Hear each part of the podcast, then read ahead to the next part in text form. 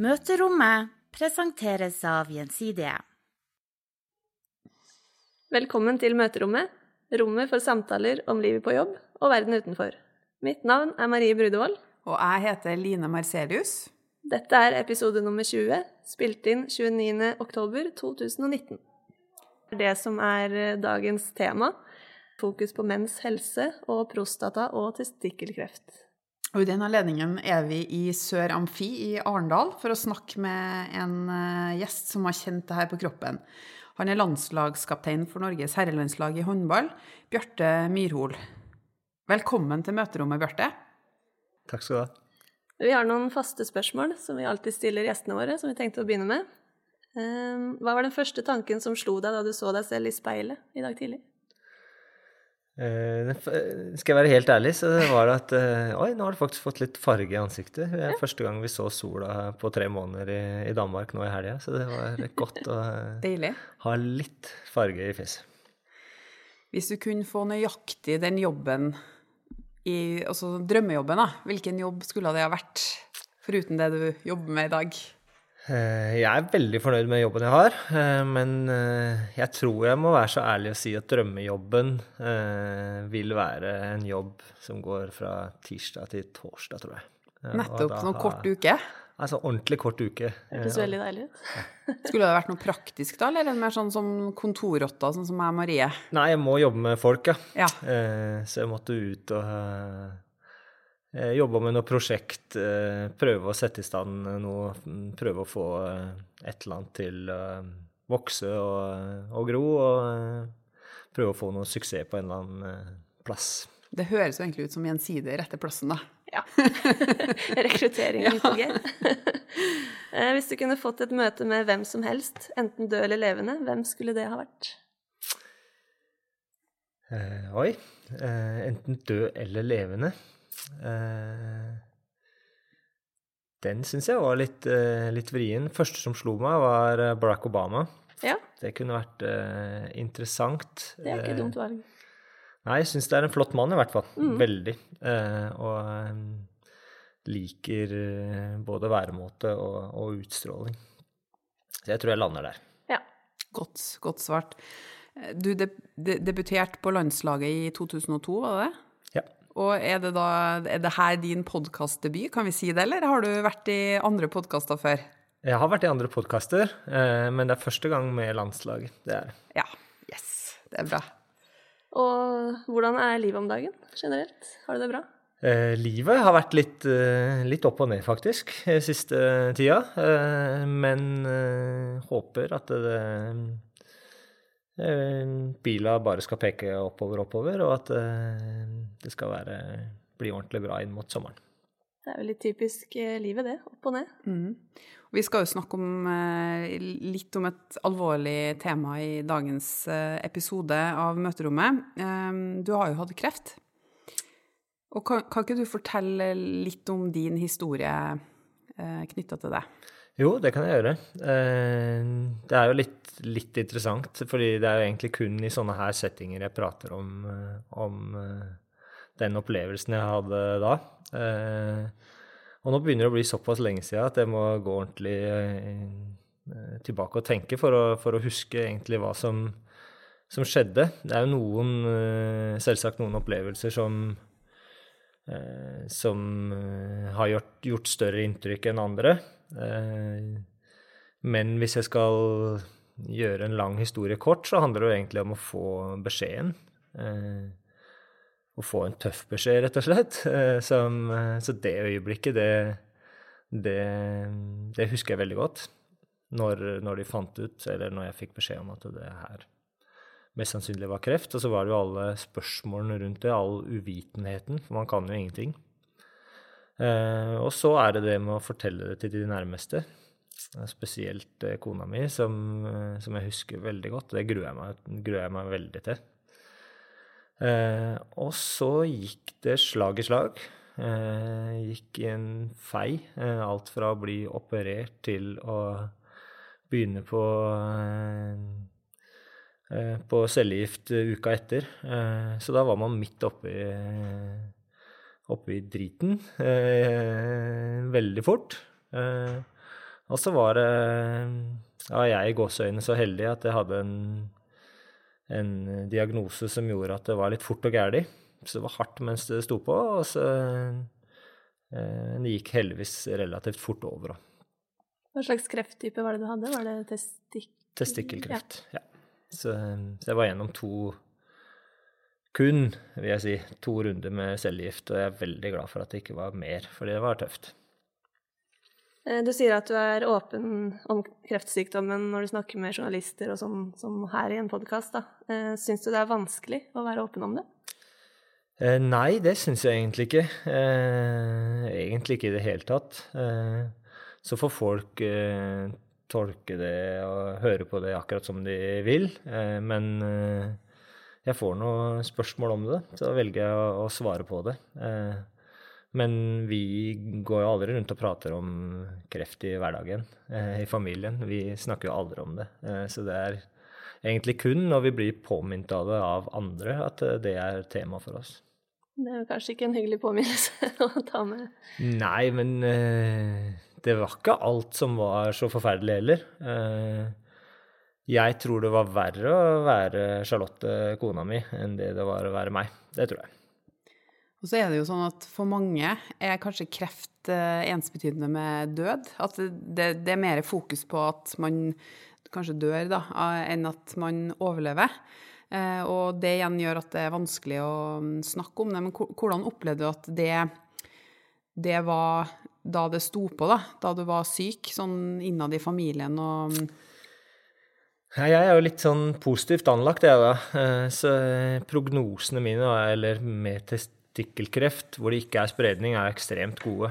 Eh, sånn at jeg var aldri redd for eh, døden i det hele tatt. I hvert fall ikke etter jeg fikk beskjed om at det ikke var spredning. Det jeg var redd for, var å ikke få barn. Det var det som føk rundt i huet mitt. Uh, og tilbake til det du spør om og snakker om, er jo når jeg tenker på kreft, så tenker jeg nesten utelukkende på hvor flinke helsevesenet har blitt. Ja, det, jeg hører bare Ja, det er mange tragiske historier. Uh, men det er søren meg også mange uh, utfall som går bra. og hvor flinke, flinke de har blitt til å ordne opp i alt mulig. Hvor langt de har kommet i forskning, det er nesten utrolig. Eh, hvis vi tenker oss 15-20 år fram i tid, eh, kanskje enda kortere òg, så tror jeg vi ville ha kommet ekstremt langt. Hva tenker du det, det å snakke om kreft eh, sånn i lys av dine erfaringer? Er det noe Jeg tenker på samme måte som det å snakke om døden, det vet jeg at mange syns er vanskelig. Men er det noe måter å angripe det på som du syns eh, funker, eller som du så at var ålreit i den perioden du var syk?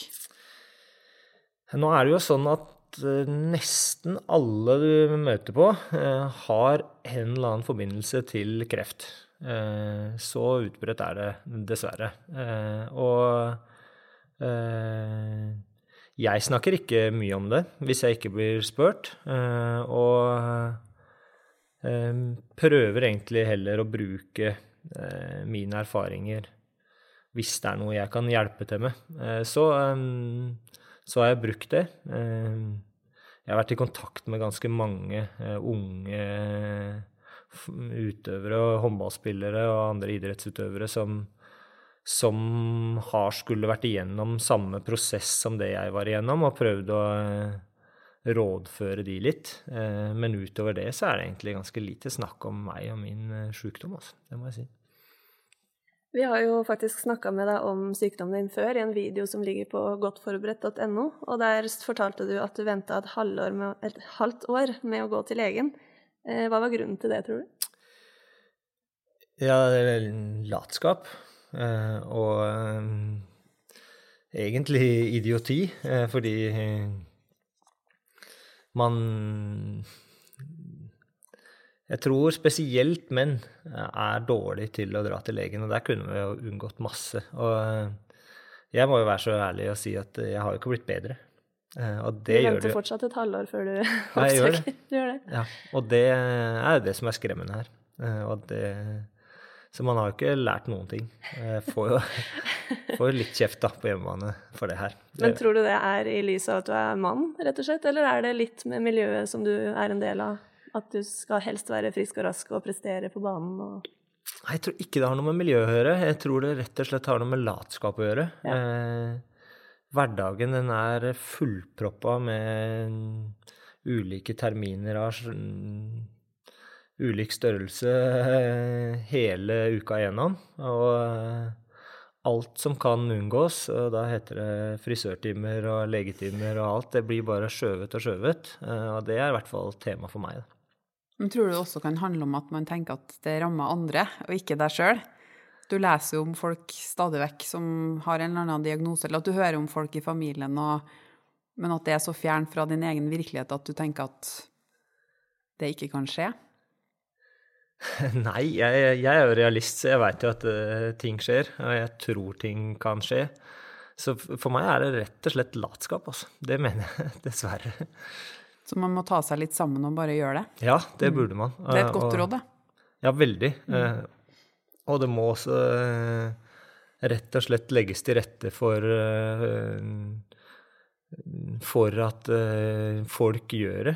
Og mm, der, jeg tror jo det kan være så enkelt som eh, å bruke ulike kampanjer og ulike tiltak da, for å få, eh, i mitt tilfelle, da, menn til å, til å komme seg til, til legen og få undersøkt litt i ny og ne.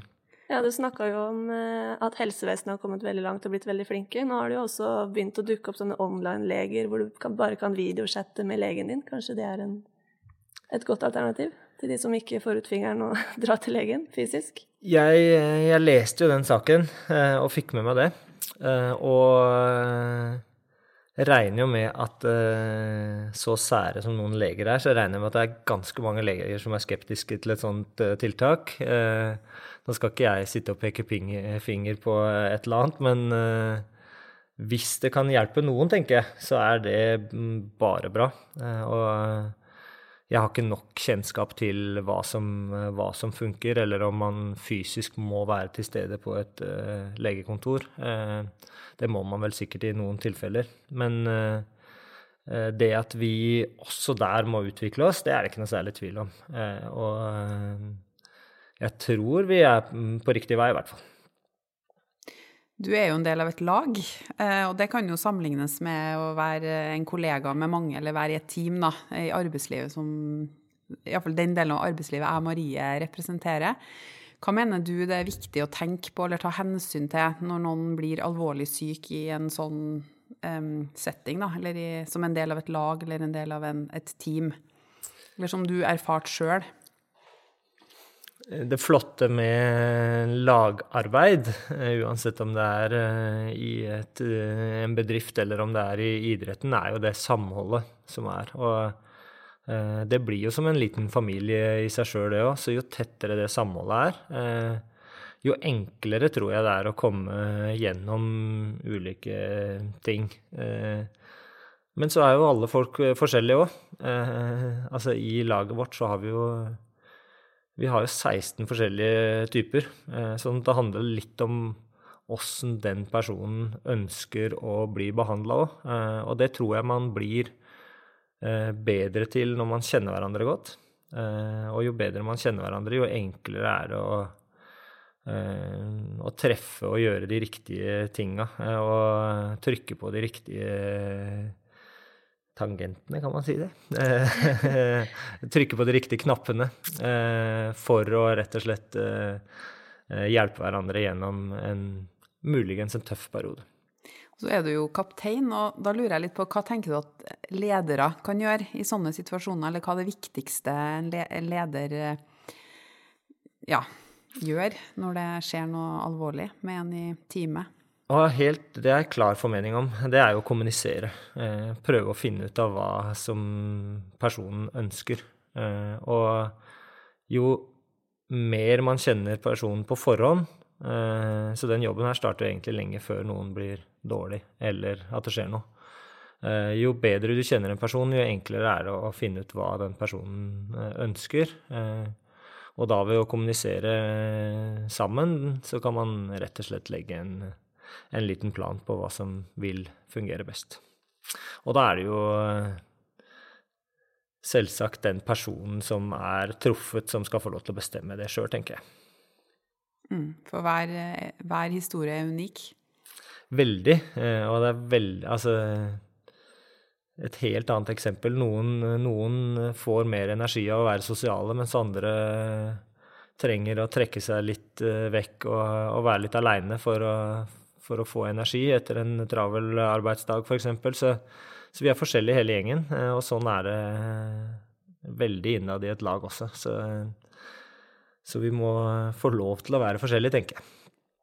Hva er det du satte mest pris på fra de rundt deg når du ble ramma? Eh, jeg satte Jeg satte pris på eh, støtten min. Den var så overveldende. Det blei så mye det var bare så ekstremt mye støtte at uh, man nesten ikke trodde det kunne være sant. Uh, men jeg opplever veldig ofte at mennesket, uh, når det skjer noe Det behøver ikke være kreft, det kan være et dødsfall i familien, det kan være noe annet tragisk som skjer. så viser mennesket seg fram fra sin aller, aller beste side. og sånn tror jeg tilfellet er ved ved kreftdiagnoser også. At da, da stepper man opp og, og viser sin, sin, støtte. Og det, eh, som sagt, i mitt tilfelle hvor man eh, var i et lag med stort støtteapparat, med fans, eh, 10 000 av fans på, på kampene, så det blei veldig, veldig mye eh, støtteerklæringer. Og, eh, og det syns jeg var, eh, var veldig, veldig hyggelig, altså. Da du ble syk, eh, så gikk det jo, som du sa, mange tanker gjennom hodet ditt, og du fikk det litt sånn i fleisen. Var det noen teknikker eller en slags mestringsmetode du brukte for å takle det som eh, du sto i, som du har lært gjennom eh, karrieren din i idrett? Eller var det bare Fulgte du bare med det som skjedde, på en måte? Ja, det var et godt spørsmål. Uh, det var i hvert fall ikke mange likheter til eh, idretten. Man kom inn på en helt ny arena. Eh, det som jeg syns var eh, spennende, og det mener jeg syns det var spennende, det var å ta og føle på åssen kroppen reagerte på cellegift. For det var jo forferdelig, men hvordan man kunne gå fra å føle seg helt frisk til å være så dårlig som man noen gang har vært eh, bare noen timer etterpå. Eh, når du egentlig skal prøve å bli frisk, den syns jeg var litt vrien å, å forstå. Men jeg lærte jo kroppen min veldig å kjenne. Jeg syns det var den Det blir jo feil å kalle det en reise, men den veien fra å gå fra helt uh, scratch dårligste formen du kan forestille deg ganger ti, eh, og til å skulle bygge seg opp igjen til å eh, bli eh, eliteutøver igjen, eh, den syns jeg var veldig spennende. Eh, og framgangen der, det å kunne se nesten dag for dag hvordan jeg ble, kom i bedre form, og åssen magen forsvant, og åssen eh, bollekinna ble mindre, det, det syns jeg var det syns jeg var uh, morsomt og, og lærerikt. Ja, for du var ganske raskt tilbake, var du ikke det? Var det to måneder, og så var du på banen igjen? Ja, eh, og det er jo en annen Jeg kommer inn på et annet tema. Eh, fordi det vil jeg Hvis jeg skulle gjort det igjen, så hadde jeg brukt lengre tid. Mm. Eh, det var for raskt, egentlig. Eh, men i Tyskland så er det også sånn at eh, andre faktorer som også spiller inn, eh, som man ikke tenker over. Man kan si at det er fantastisk at du kom så fort tilbake. Men jeg fikk jo ikke lønn. Eh, jeg fikk jo lønn, men bare en prosentandel etter seks, eh, seks uker. Så jeg følte meg også litt pressa pga. det økonomiske. Så det var en faktor som, som spilte sterkt inn. Men jeg var så innstilt på å komme tilbake og komme tilbake så fort som mulig. Eh, men det gjorde også at jeg fikk en knekk noen måneder etterpå igjen.